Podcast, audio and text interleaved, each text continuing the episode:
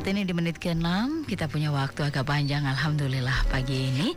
Mudah-mudahan anak-anak kita, keluarga kita semuanya pagi ini menjadi keluarga yang sehat Sehat jasmani, sehat rohani Pikiran sehat, semua sehat Apa yang kita miliki menjadi keberkahan tersendiri. Amin ya robbal alamin. Bersama Dr. Faizat Rashidah Kita bicara tentang peran orang tua dalam merukunkan kakak adik.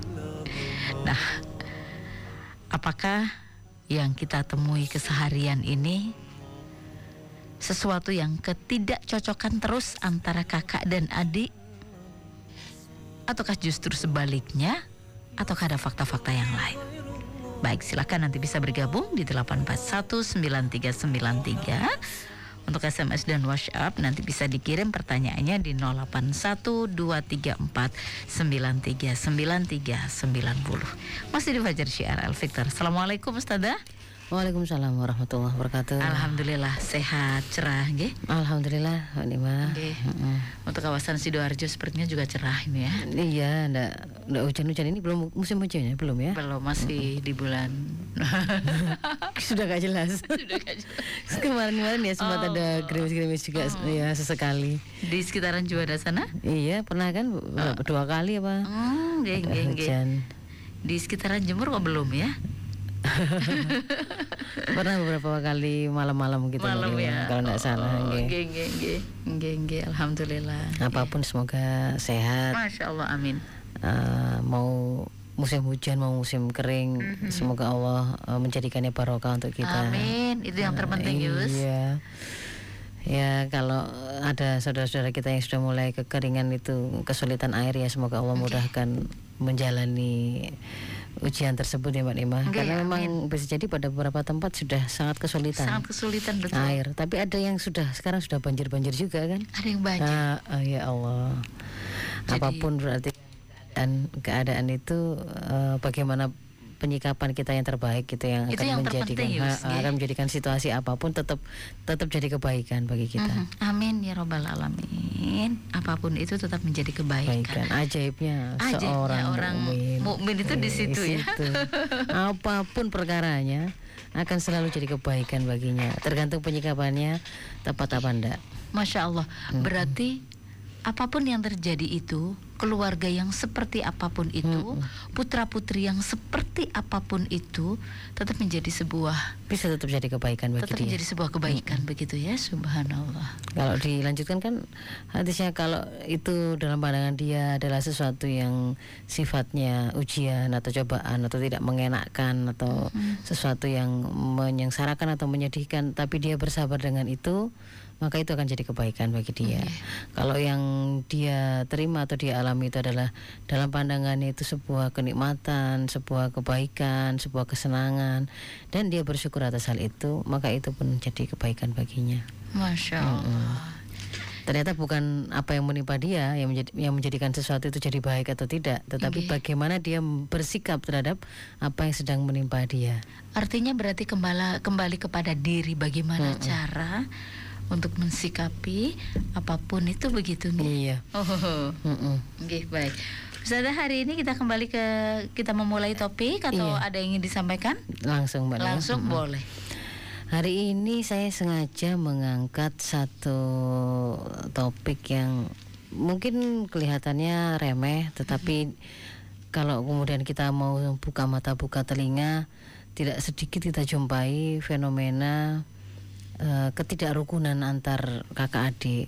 Tidak sekedar tidak rukun, bahkan sampai pada tataran bisa musuhan antar kakak dan adik nggak sekedar nggak bicara, nggak sekedar nggak dekat atau nggak sekedar nggak nggak apa, nggak sekedar nggak hangat hubungannya, tetapi bahkan sampai mereka bisa sampai berseteru itu di eh, di atau di meja pengadilan atau bahkan kemudian melakukan tindakan-tindakan yang seperti bermusuhan layaknya musuh kakak dan adik itu.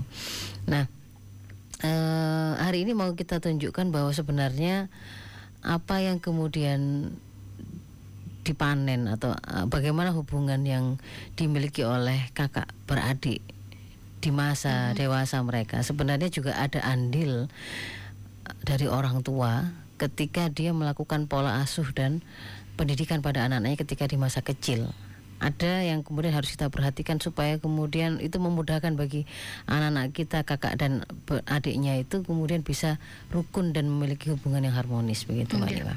Nah eh Dulur Victor yang dimuliakan Allah kalau kemudian kita me- me- membaca apa yang diajarkan oleh Islam ketika Islam datang itu kan kemudian orang yang bermacam-macam suku, jenis, kelamin, usia, kebiasaan, bahasa dan seterusnya itu kan kemudian disatukan, diajarkan untuk menjadikan ikatan di antara mereka itu kan ikatan la ilaha illallah ya, ikatan akidah.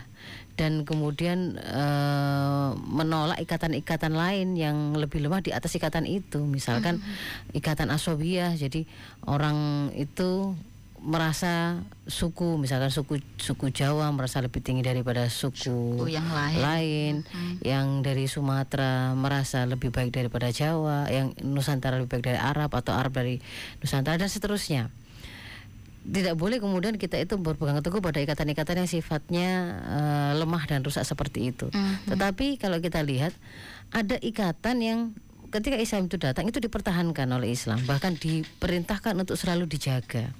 Yaitu adalah ikatan silaturahim. Hubungan kekerabatan dalam satu keluarga karena berawal dari eh, kesamaan rahim. Ya ya kan? Bahkan hubungan ini eh, tidak saja diperintahkan untuk dipertahankan dijaga sampai kemudian kalau kita banyak sekali membaca penjelasan Rasul eh, implikasinya itu bisa sampai menjatuhkan seseorang itu kepada surga Allah atau neraka Allah gitu. Contohnya misalkan hadis riwayat Muslim itu eh, Rasul pernah bersabda layatuhulul jannah qati'un. Nggak bisa masuk surga orang yang dia itu memutuskan silaturahim. Memang kemudian membuat hubungan persaudaraannya, kekerabatannya itu terus jadi putus itu malah kalau dia menyengaja melakukan itu itu malah bisa berimplikasi dia tidak bisa masuk surga begitu kan ya. Jadi memang ini oh ternyata, ternyata ikatan silaturahim ini memang ikatan yang dijaga betul oleh Islam. Begitu. Nah, di antara eh, salah satu ikatan silaturahim, silah itu ikatan atau hubungan, rohim itu rahim itu sendiri. Di antara salah satu ikatan silaturahim yang begitu penting dan harus dijaga adalah ikatan antara kakak dengan adiknya. Nggih. Mulai dari keluarga. Ah, ah, hubungan antar Emang karena fokus kita di sini sekarang bahasnya ya. Tapi kan silaturahim tidak hanya kakak dan adik ya, tidak hanya kakak dan adik. Nanti apa namanya orang tua dengan anak, kekerabatan yang lain kan juga ada. Tetapi yang sekarang menjadi fokus kita kan kakak dan adik. Makanya saya bilang saya katakan di antara silaturahim yang harus dijaga itu adalah ikatan antara kakak dan adik. Nah, hubungan antar saudara kandung ini ini adalah sebuah hubungan yang yang panjang dan bisa melibatkan atau berimplikasi pada banyak hukum, Mbak Nima, pada banyak hukum. Ketika Islam menetapkan ada pernikahan yang akhirnya mempertemukan se- seorang laki-laki dan perempuan, lalu lahir dari rahimnya itu anak-anak, maka di situ itu ada seperangkat hukum yang mengikuti. Hukum tentang mahram, Iya. hukum tentang perwalian, hukum tentang waris, hukum tentang nafkah dan itu ada kalanya memang kemudian melibatkan eh, hubungan antara kakak adik. Para kakak yang laki-laki itu ketika kemudian mereka dewasa, mereka akan menjadi bisa sa- bisa satu saat menjadi wali bagi saudara-saudara perempuannya, ya kan? Menjadi menjadi penjamin nafkah bagi saudara-saudara perempuannya perempuannya. Hmm. bisa mewarisi kan ada hukum waris yang kemudian perhitungannya ada diper- di, diperhitungkan dari berapa jumlah saudara laki-lakinya saudara perempuannya ada ada implikasinya ke sana ada perwalian juga ya. Wali itu kan menjadi orang yang bertanggung jawab atas apa yang diserahkan urusannya kepada dia. Itu kan sangat besar. Bayangkan kalau kemudian rusak hubungan ini. Tidak saja tidak erat tidak saja renggang begitu ya. Atau dingin atau tidak hangat. Tapi bisa implikasinya nanti bisa sampai merusak tatanan hukum-hukum tersebut.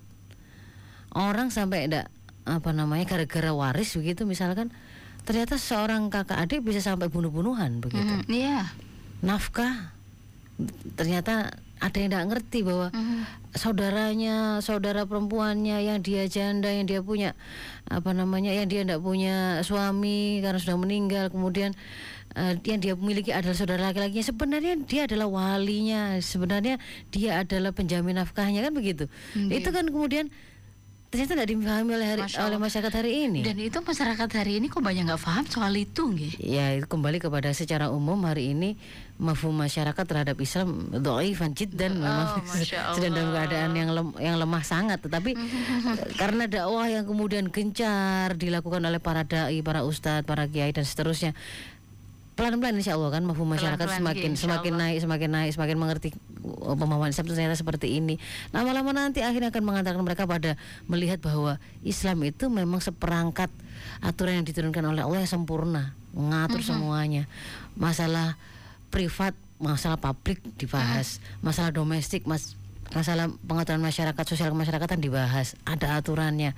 Personal maupun komunal juga diatur. Spiritual maupun politik ada. Jadi lama-lama kan akan mengerti itu nanti umat nah saya kembali ke sini. Jadi itu bisa merusak tatanan hukum tersebut. Kalau kemudian hubungan antar kakak adik tadi itu ternyata akhirnya rusak begitu ya. Nah yang ingin kemudian saya eh, apa namanya ingatkan kepada kita para orang tua sadarkah kita bahwa sebenarnya lekat atau rapuhnya hubungan kakak adik, kuat atau lemahnya hubungan kakak adik itu juga sangat ditentukan oleh pola asuh yang mereka terima. Pola asuh dan pendidikan yang mereka terima sejak mereka kecil. Ketika kita orang tua itu keliru memberikan pola pengasuhan pada anak-anak kita, bisa jadi sebenarnya penebar bibit-bibit keretakan hubungan antar mereka bersaudara itu itu ternyata orang tuanya begitu. Sehingga ketika kelak kemudian mereka tumbuh dewasa ternyata ikatan silaturahmi ini ternyata amat rapuh, mudah pecah bahkan sampai akhirnya memunculkan dendam satu sama lain begitu dan wa iyadzubillah ya. Naudzubillah min dzalik. Saling iri antara kakak Ah. sama adik dan sebagainya. Apakah itu juga merupakan bibit-bibit kecil begitu? Bisa, ya? bisa. Nah, nanti kan kita coba telusuri dari mana itu. Gitu. Nah, pernah enggak Mbak Nima mendengar ada cerita mungkin dari kawan, saya enggak terlalu dekat sama mas saya ini, saya enggak terlalu dekat dengan adik saya ini. Enggak sekedar enggak sekedar dingin ya, memang jauh dari kata akrab begitu.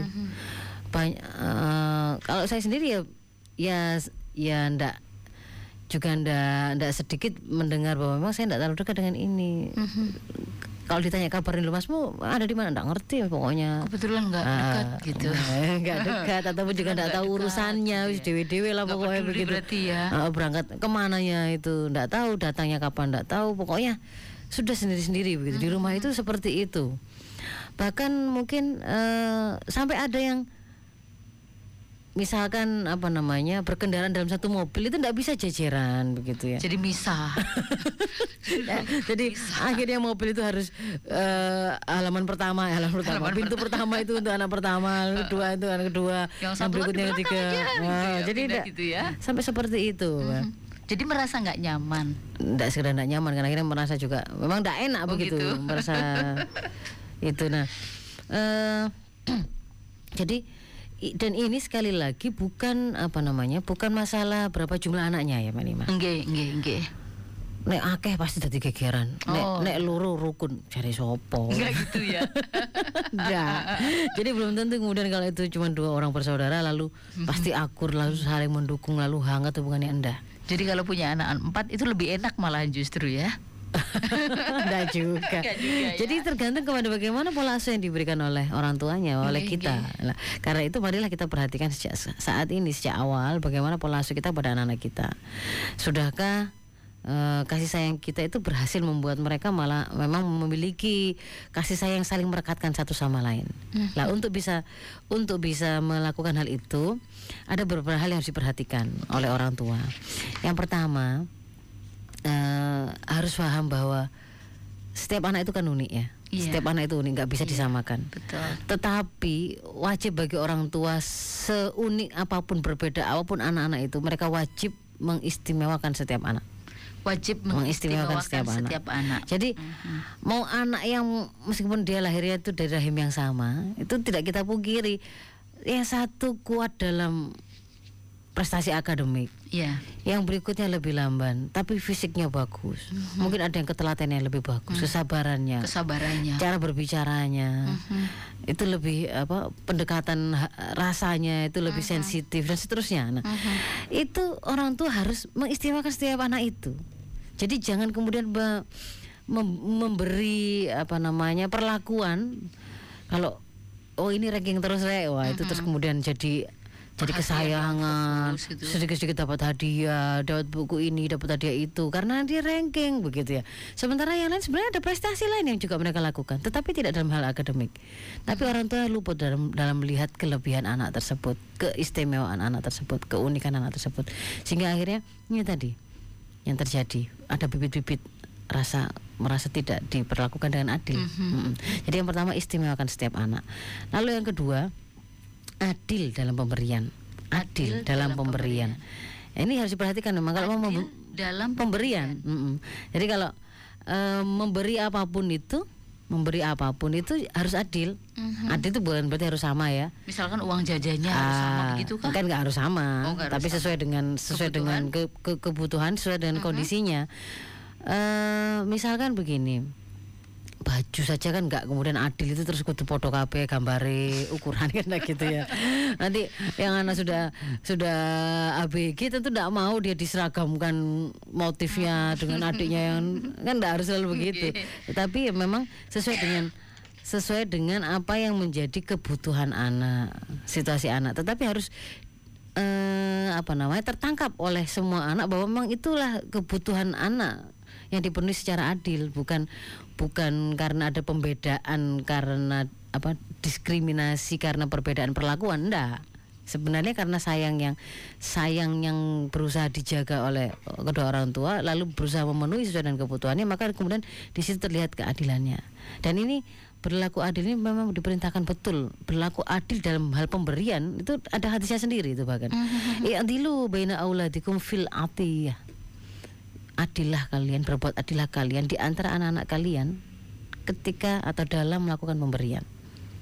Cuk sampai nemen ketoke gitu ya. Yang ini dipegangi mobil Mhm. yang ini sepeda ontel padahal jelas-jelas yang ini lebih jauh ya sepeda ontel itu. Lebih Karena jauh gitu ya. oh. Oh tidak. enggak bukan Sama-sama ya, begitu ya. udah dewasanya. iya karena ada ada kali kan ada anak itu memang tipenya tipe dalam meminta dan nyerang ke orang tua itu beda-beda juga. Beda-beda, Ah, nah, kemudian karena bukan karena mau berlaku adil tapi karena merasa tidak enak dengan eh, anak ini nggak ngerti-ngerti, yang ini lebih ngerti, misalnya begitu. Nah kalau itu sesuatu yang sebenarnya tidak betul kan harusnya diluruskan. Bagaimana anak tadi itu harusnya kemudian eh, bisa me- membedakan antara keinginan dan kebutuhan. Kalau memang itu keliru kan dia harus diluruskan pemahamannya. Tidak semua permintaanmu harus ibu itu penuhi. Kalau sekolah ke situ masih SMP, secara aturan tidak, tidak boleh menggunakan motor, Motor. pakai Hmm. pakai sepeda ini. Kan begitu kan kalau gitu naik kendaraan umum. Atau seterusnya itu harus diluruskan.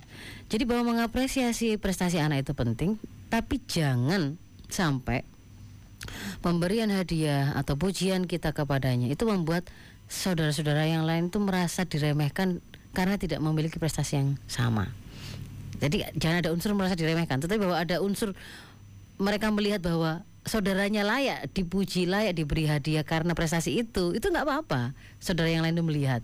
Kan itu suatu hal yang positif. Tapi begitu terasa bahwa kok nuka koyo ah sedulurmu ini diremehkan? Nah itu yang nggak boleh. Jadi bijaklah dalam menghargai prestasi anak apa pun itu agar tetap bisa menjaga kebersamaan antar anak. Kemudian yang ketiga eh, kita harus membiasakan anak itu untuk saling tolong menolong. Terbiasa. Jadi sudah ada unsur habit di situ ya. Habit itu kan terbentuk karena ada sebuah proses apa istiqomah ya pendawaman pendawaman. Bahasa Arab digabung sama Indonesia ya.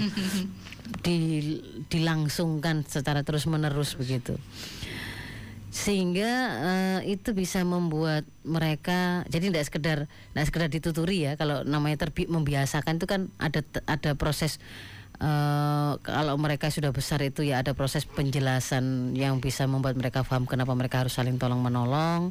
Mereka dibantu diko- diciptakan suasana kondusif untuk saling mudah saling tolong menolong.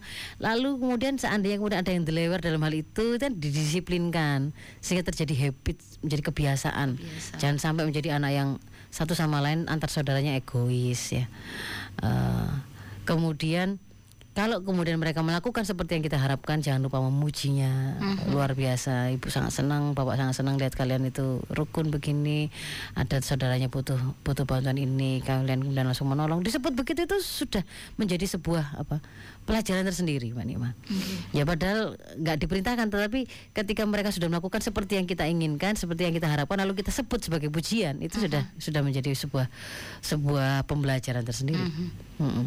Semoga besok ini kamu sampai tua, kamu juga akan begini ya, nak ya. Masya Ketika ibu tidak ada, bapak tidak ada, itu begitu itu pasti Jadi akan apresiasi seperti itu Ah, ah. memang harus disampaikan ke disorihkan, anak, disorihkan, ya. disorihkan, iya. Jadi tidak hanya disimpan saja di dalam Aliran kebatinan nanti. tidak hanya alhamdulillah gitu. Iya. Tapi yang kecil gitu, masya Allah hebat. Ah, sayang, sayang, ah. sayang. iya bahwa bahwa kita bersyukur pada Allah alhamdulillah ya Allah itu ya iya harus tetapi untuk menunjukkan itu kan salah satu apresiasi kita pujian itu apresiasi kita terhadap prestasi mereka jadi kita sampaikan Ya Allah luar biasa adik tadi ikut begini begini ya itu disampaikan waktu kita bu- punya gawe kemudian kakak adik itu semuanya itu terlibat membantu sebisa yang mereka lakukan yang kecil tadi ikut noto-noto berkat misalnya begitu ya hanya ngangkat-ngangkat iya disebut ya, saja. Kak, gitu ya. luar biasa ya hari ini bisa bantu-bantu bantu-bantu ibu begini ya itu disebut. Nah, Tapi kenapa ya sering-sering kali pelit gitu ya orang tua dalam dalam hal-hal seperti ini mengucapkan terima kasih, mengapresiasi, menyampaikan kelebihan-kelebihan si anak itu. Padahal hatinya mengatakan alhamdulillah tapi tak tersampaikan, tak Nah, tersorihkan gitu iya ya. persoalan pembiasaan Pembiasaan gitu ya, Pembiasaan. pembiasaan. mungkin dia memang besar dengan pola asuh yang Nah. tidak tidak memvulgarkan kasih sayang Padahal ket- ketika ada sahabat dulu itu lihat Rasul kok mencium-cium cucunya. Cucu-cucunya. Anak saya 10 tapi saya tidak pernah menciumnya. Loh ya opo gitu. Iya. tidak disayang eh, apa namanya bukan golonganku yang nggak sayang yang muda dan tidak menghormati yang tua jadi memang anak yang lebih muda itu harus disayang. Inilah laisa minna malam yarham sawirona wa yuwakir kabirona ndak bukanlah bagian dari kami. Orang yang nggak menyayangi yang lebih muda atau tidak menghormati yang lebih tua. Jadi itu kan ditanamkan kita tanamkan pada anak-anak kita. Yang muda memang dia harus menghormati kakaknya. Nggih. ada kalanya mungkin anak itu ketika memang apa hubungan ini terbuka dan hangat bisa jadi anak itu kemudian menyampaikan ke eh, protesnya atau kekecewaannya mas itu loh gimana sih bu? Kok wes bu wes gak tanggap saudara. Kadang-kadang begitu ya bisa jadi begitu. Masa datang apa berangkat itu ndak bilang ke mana-mana nanti pulang-pulang tiba-tiba marah-marah hanya mencari makan minta uang.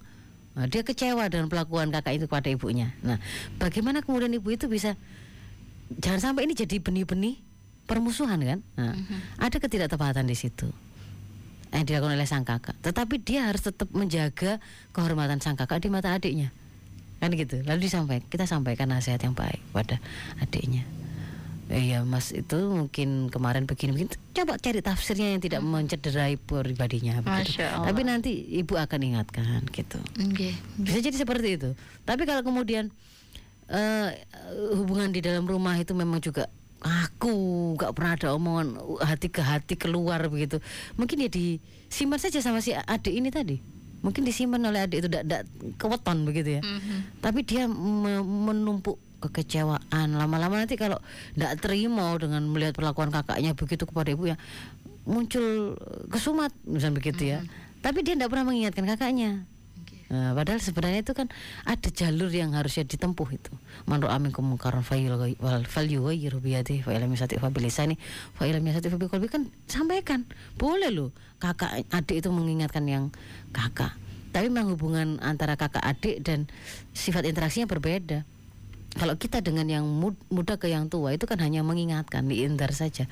Tapi kalau kemudian orang yang lebih tua kepada adiknya, orang tua kepada anaknya, di situ ada ada ada hak takdib, ada hak dan kewajiban untuk meluruskan, mendidik. Jadi ya harus dipastikan, harus dipastikan dia sudah melakukannya, memastikan itu difahami kan gitu. Kalau kalau dari bawah ke atas kan ng- ngiling nol gak diterima ya.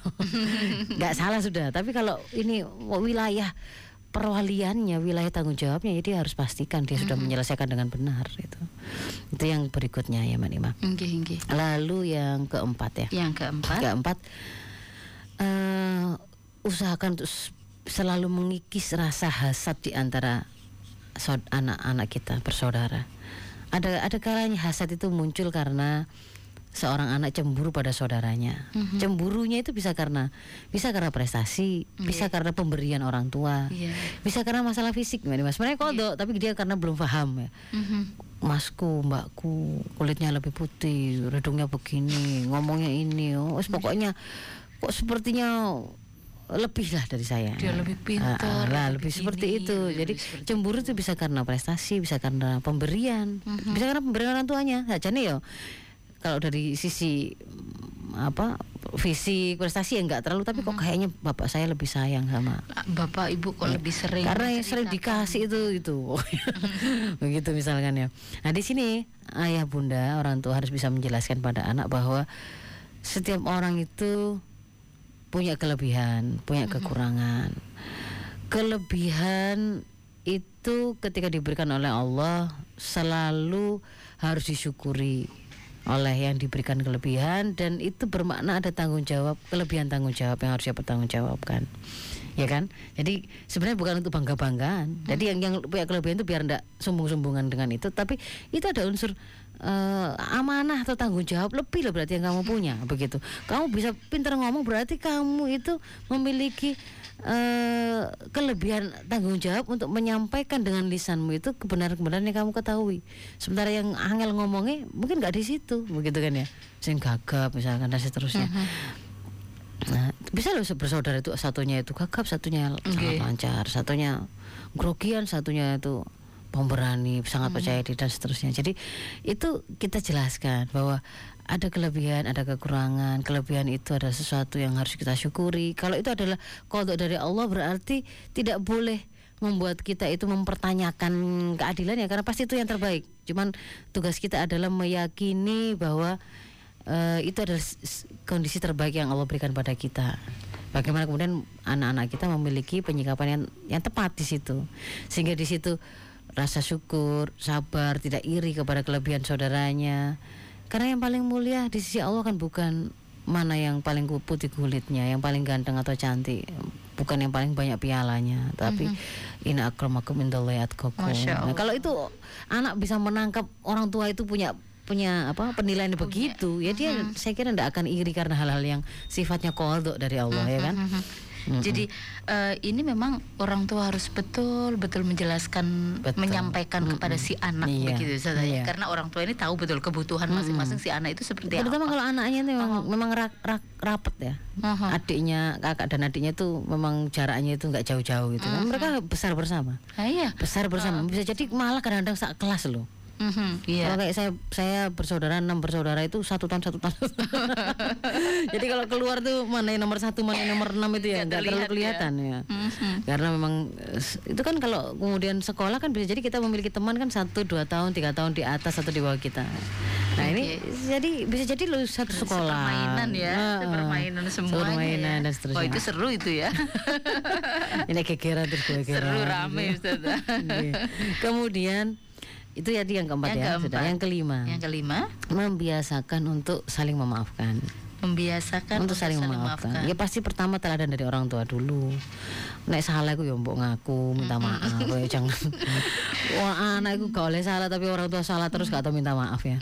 Itu ya Kemudian menyuruh orang tua anaknya minta maaf, "Ayo minta maaf sama kakak." Enggak. Padahal orang tuanya itu konangan bolak-balik salah pada anaknya ndak pernah minta maaf. Masya Allah. Masya Allah, luar biasa hebatnya orang tua. Nggih, jadi membiasakan saling memaafkan. Jadi orang tua itu memang apa ya kayak raja gitu ya. Ya, nggak pernah. Memang kayak orang tua itu apa tugas sepanjang hidup tapi gak ada sekolahannya ya. Betul Gak ada sekolahannya. Nah, makanya sekolahnya juga harus setiap saat begini nih. Orang tuanya punya alasan Ustazah. Oke, wah ini Mas Helmi kayaknya yang punya alasan ya. Nggak pernah minta maaf sama anaknya. ini. Nggak akan nanya. Gimana gimana? Gimana gimana Helmi? Saking pinternya orang tua. Oke. Cari alasan. Oh, Oh iya. iya. Ah, betul betul betul. Ini kalau dikeluarkan jurusnya nanti ditiru, kan Iya, nggak boleh. iya, Makanya nggak nggak boleh. boleh. Harus kal- kalimat yang umum begitu saja. Jangan dicontohkan langsung kalimatnya. Wah, maren kok. Yang kelima. Ya. Yang kelima Nah, membi- membiasakan membiasakan saling saling memaafkan. memaafkan. Jadi sejak kecil jadikanlah saling memaafkan itu sebagai salah satu habit positif. Habitnya, Mm-hmm. habit tadi itu berarti pendawaman tadi. Oke. Langsung apa senantiasa di, dilanggengkan, biasakan itu. Mm-hmm. Itu kalau dalam ilmu parenting hari ini kan ada beberapa kata ajaib itu terima kasih, minta maaf, Minta maaf, minta tolong. minta tolong ya. itu kalau ada kata itu itu memang akan membuat eh, suasana per apa komunikasi itu lebih lebih enak. ya. Mhm. Minta Makasih ya. Dek. Iya, terima kasih. Kalau membutuhkan sesuatu minta tolong. Kata tolong ini. Tolong ya, susah Dek. Begitu ya. Iya. Jangan susah menyatakan. Mau ada anak pun itu Oh, ketika iya. menyuruh itu minta tolong meskipun tahu hidupmu adalah milik ibumu, milik orang tuamu, tapi tetap saja kita tetap minta tolong adabnya. Walaupun kalimat tolong kadang-kadang di belakang. eh, budal tolong ya. Tapi terkadang gini Ustazah, Iya. si kakak itu sering kali minta tolong sama adiknya Karena adiknya yang ini, yang kecil yang, gitu yang bisa ya. disuruh-suruh. Yang bisa disuruh-suruh Akhirnya wah kok begini ya gitu ya Ya kita lihat, kita lihat gimana? di situ. Kalau sesuatu itu bisa dia lakukan, lebih utama untuk dilakukan sendiri. Oh iya Iya kan, Rasul kan juga begitu. Jahit saja nih yo, bisa saja Bisa. istrinya. Tapi ketika itu beliau bisa lakukan sendiri, ada kesempatan, beliau bisa beliau lakukan itu. Dan tidak ada unsur apa jaim ya. Mhm. Udah nabi pimpinan seluruh umat manusia dunia akhirat itu. Jahit. Si sok jahit, si masya Allah nggih. Ngoten. Jadi ngoten Mas Ilmi. ya, jadi saling memaafkan supaya jadi habit. Ketika mereka bertengkar, bantu untuk bisa damai kembali supaya tidak ada sisa-sisa percikan-percikan itu tadi ya eh, konflik yang tersimpan. Jadi selesaikan. Jangan begitu ketika mereka dewasa nanti mereka mau berdamai, saling memaafkan itu bukan jadi hal yang sulit. Hmm, karena sudah dibiasakan. Kemudian yang terakhir, jangan lupa bahwa yang mempertautkan hati siapa saja itu kan Allah yang memiliki kemampuan itu sehingga berdoalah kepada Allah agar hati mereka terpaut selamanya dalam keimanan kalau uh, apa namanya pangkal ikatannya itu terjaga yaitu keimanan insya Allah ikatan-ikatan lain itu akan katut mbak Nima Iya, iya. Perintah untuk menjaga silaturahim itu kan karena tuntutan keimanan. Di di iman yang lain apa ada perintah menjaga silaturahim? Tidak ada. Ada perintah birrul walidain menyayangi yang muda menghormati yang tua. Kalau panjenengan lihat misalkan hari ini tuh gampang men- menemukan video-video eh, bagaimana model kehidupan di berbagai belahan dunia ya. Eh, di Cina itu mungkin ya saking akeh wong atau bagaimana ya. Masuk. itu itu mau nyari orang tua orang tua yang orang tua yang namanya orang tua kan sudah tidak terlalu bisa jadi dia kalau sudah sakit sakitan sudah tidak terlalu ada gunanya seperti hidup. Itu kan bahkan sudah apa yang akan membuat seorang muda anaknya akan berusaha ngeramut dia padahal nggak ada keuntungan sama sekali? Kalau bukan karena iman coba. Iya. kira-kira apa yang menggerakkan mereka? Nggak ada. Masya Allah Makanya kemudian ada yang menyengaja menyengaja membiarkan, ada yang sampai secara ekstrim malah di- dipukuli, dibunuh begitu. Nah, termasuk kemarin saya barusan lihat itu eh, tabrakan begitu ya, di, seorang ditabrak di jalan begitu oleh oleh mobil, di, ya nggak ada yang nolong gitu. Seliwar-seliwar orang di sebelahnya gitu. Tidak ada. Nanti ada mobil, eh apa nabrak lagi? Cuman me- melot gitu saja, minggir gitu saja. Tapi ada ya nggak ada yang nolong gitu ya. Apa yang kemudian membuat mereka terdorong begitu itu? Itu Iman. kalau kemudian di dalam Islam itu jelas itu cantolannya itu jelas gitu. Oke. Iya, jadi eh, kita diminta eh, diperintahkan oleh Allah untuk mendoakan anak-anak kita. Allahumma alif baina qulubina itu kan ya. Itu enggak hanya sesama saudara tapi juga seluruh sesama muslim yang beriman kepada Allah kita diminta untuk agar hati-hati kita dipertautkan oleh Allah. Wa asli dzata bainina supaya kita dibaikkan, diperbaiki urusan-urusan di antara kita. Terus anak-anak kita, kita itu berdoa supaya mereka nek misalnya untuk konflik Allah nanti yang akan menggerakkan hati satu sama lain untuk ketemu dengan eh, keimanan yang mengatakan mereka pada jalan keluar yang yang kita harapkan. Nek balikin nang pangeran wis pasti aman kan gitu. Sehingga itu kan candolannya harus dipastikan. Bukan aduh bukan kamu nanti yang soge ben iso nolong adikmu belum tentu Belum tentu. Dungone sing soge dikabulno, Nggih. Gak mesti terus cantolan nek soge terus dadi nolong gak mesti. Enggak mesti. Gak mesti begitu. Enggak mesti. Ya kok anu tak dungano cedek apa rumahnya dekatan tetanggaan supaya nanti bisa saling tolong. Nggak mesti wong sak omah iso sawat-sawatan gitu kan. mesti. Iya. Jadi justru pecantolan itu imannya itu begitu loh nak. Apa saya doakan nak kamu semua itu tetap selalu dalam iman ini karena kalau iman ini yang kamu pegang, kamu menjaga Allah, Allah akan menjaga kamu kan begitu kan. Jadi kita doakan mereka supaya kemudian mereka wahdina subulah salam. Kita minta untuk najina minal dhulumat ilan nur kan gitu kan ya. Jadi itu kita kita sampaikan kepada Allah, kita mohonkan kepada Allah supaya eh, anak-anak kita juga dijaga oleh Allah. Kita itu kan membesarkan anak-anak kita bersama Allah ya. Nur. Kalau hanya ngandalkan tangan kita, mata kita, penglihatan kita seberapa? Masya Allah berapa sih? kemampuan? bisa jadi berapa menit kemudian mati ya bisa terus kemarin ngono ya opo Mhm. ya itu tapi kalau Allah selalu ada kalau Allah selalu ada kalau kita tidak mesti ada Membesar- Jadi membesarkan anak bersama Allah Iya. yang terpenting. Insya Allah niku Oke. monggo. Baik dulur silakan bisa bergabung di 8419393 ya untuk pagi ini SMS dan WhatsApp Ya, hanya di 081234 93 93 90. nanti kami akan kembali setelah yang berikut ini.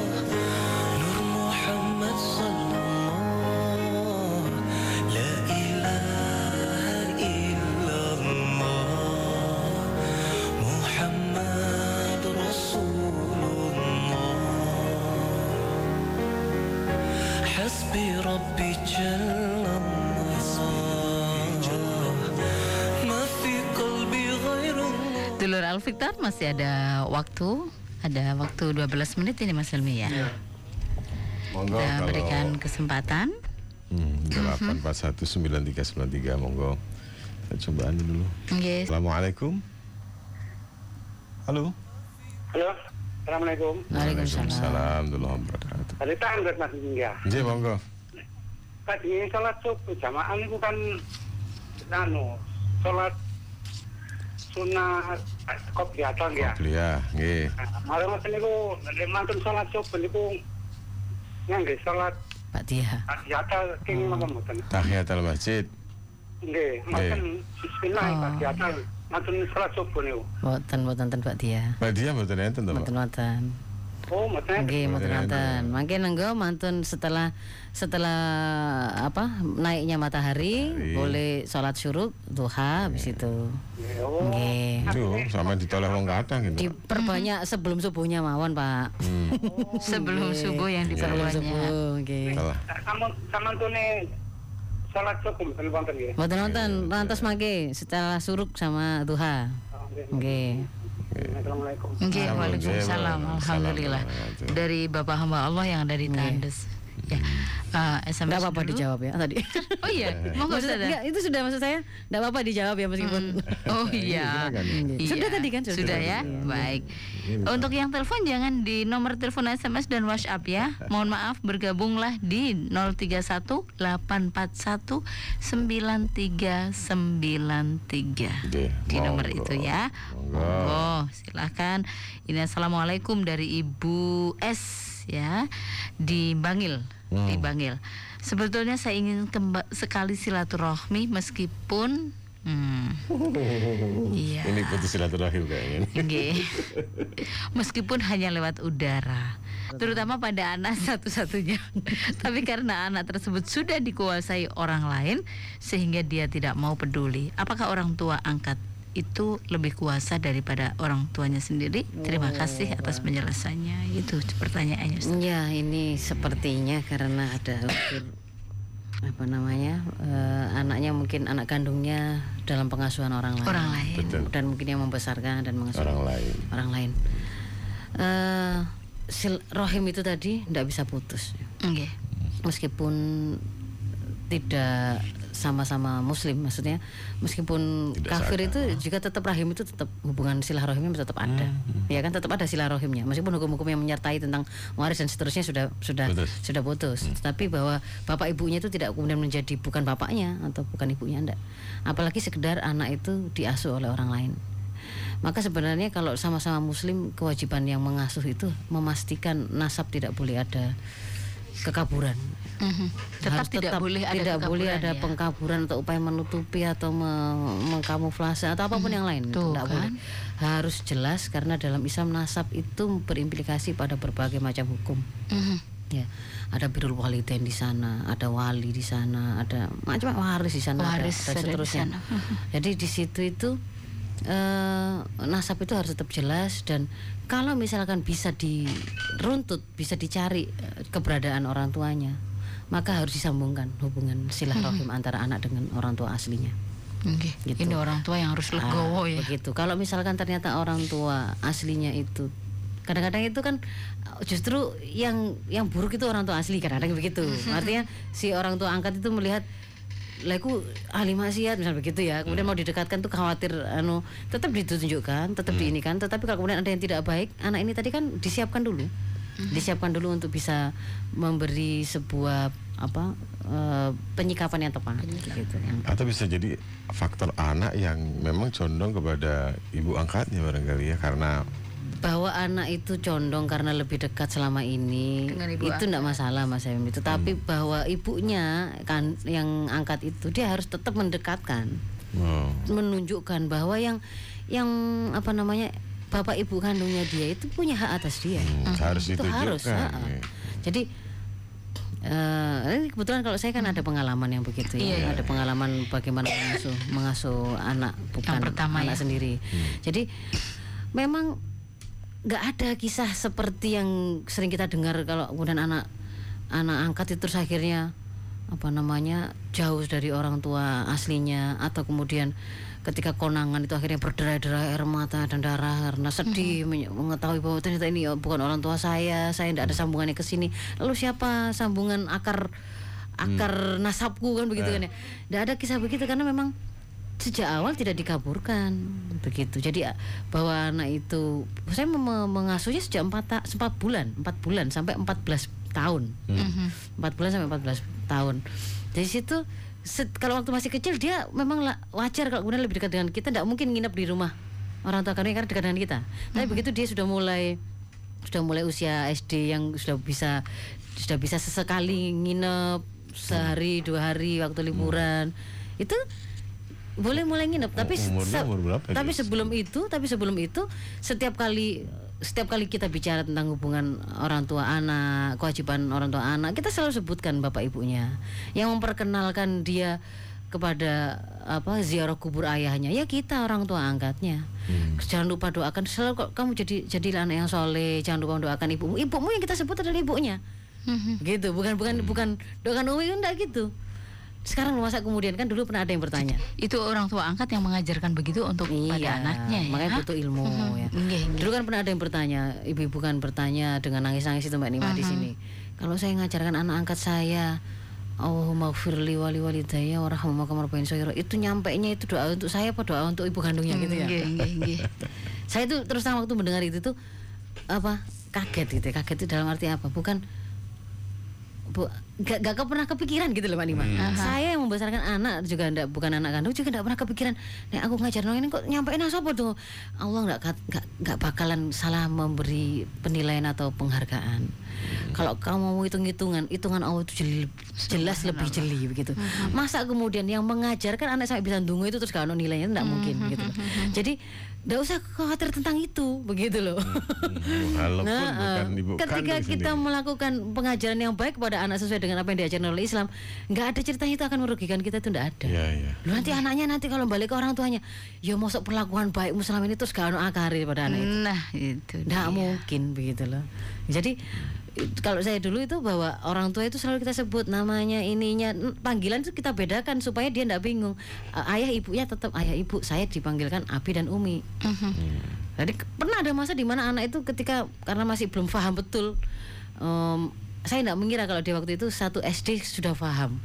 Saya mengiranya mungkin dia akan paham makna kandung eh, apa tidak kandung. Itu mungkin kelas 3 SD begitu saya kiranya. Hmm. Karena kan sebenarnya anak ini sudah biasa mengenal siapa ayahmu ibumu namanya ini. Sa- ibu ayahnya sudah meninggal ibunya di sini rumahnya di sini saudaranya. Sudah kalau secara kayak hafalan gitu ngerti. Sudah tapi bahwa ya? ah, tapi bahwa apakah maknanya itu? Dia paham apa enggak? Itu saya mengiranya mungkin kelas 3 SD begitu. Ternyata satu SD kok kemudian bangkang-bangkang gitu. Selalu bangkang-bangkang. Jadi misalkan kita minta begini perintah begini nggak mau. Eh, pokoknya nantang-nantang terus Umi itu loh bukan ibu kandungku. Begitu. Jadi mulai begitu.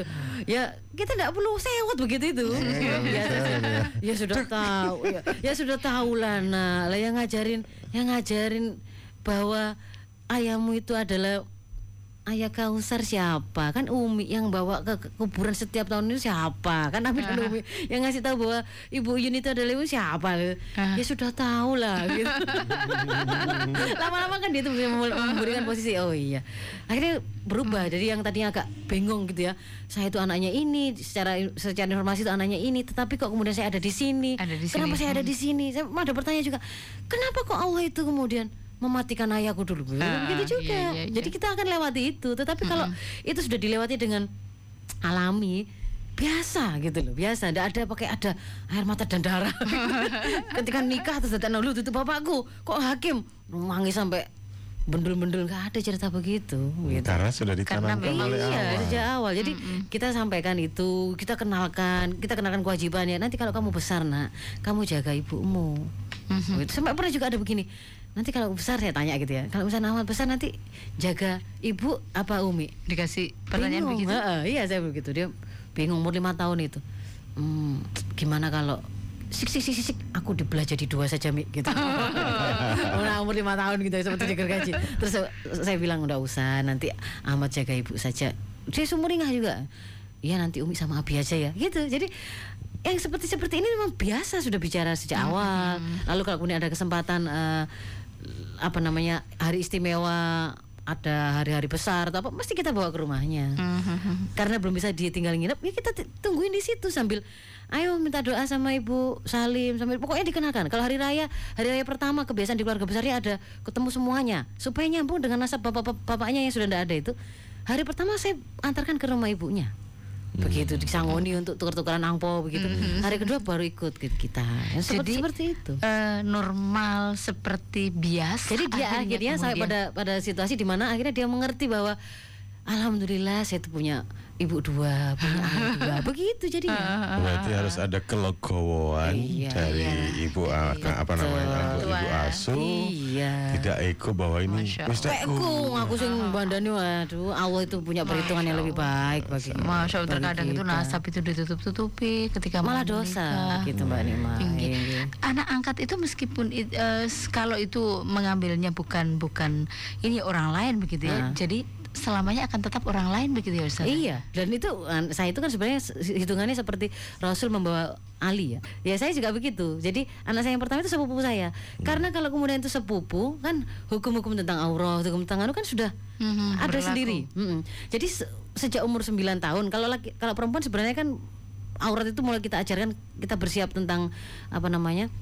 Eh, balik itu kan 9 tahun. Mhm. Tapi kalau laki-laki kan agak panjang 14. Agak Tapi saya panjang. sudah mulai biasakan sejak 9 tahun dia enggak sebelum 9 tahun dia sudah biasa harus pakai di bawah lutut Mhm. celana itu. Karena dia tahu auratnya nanti begini. Nanti kalau kamu balik enggak boleh loh, nak satu rumah sama Umi saja enggak boleh. Di dalam satu mobil saja sama Umi enggak boleh. Jadi mumpung kamu belum balik sekarang wis pokoknya pulang pergi mm, apa sekolah sama Umi dulu gitu. Karena saya membayangkan nanti kalau sudah balik dia akan lebih banyak sama abinya. Kesempatan dengan saya akan lebih susah.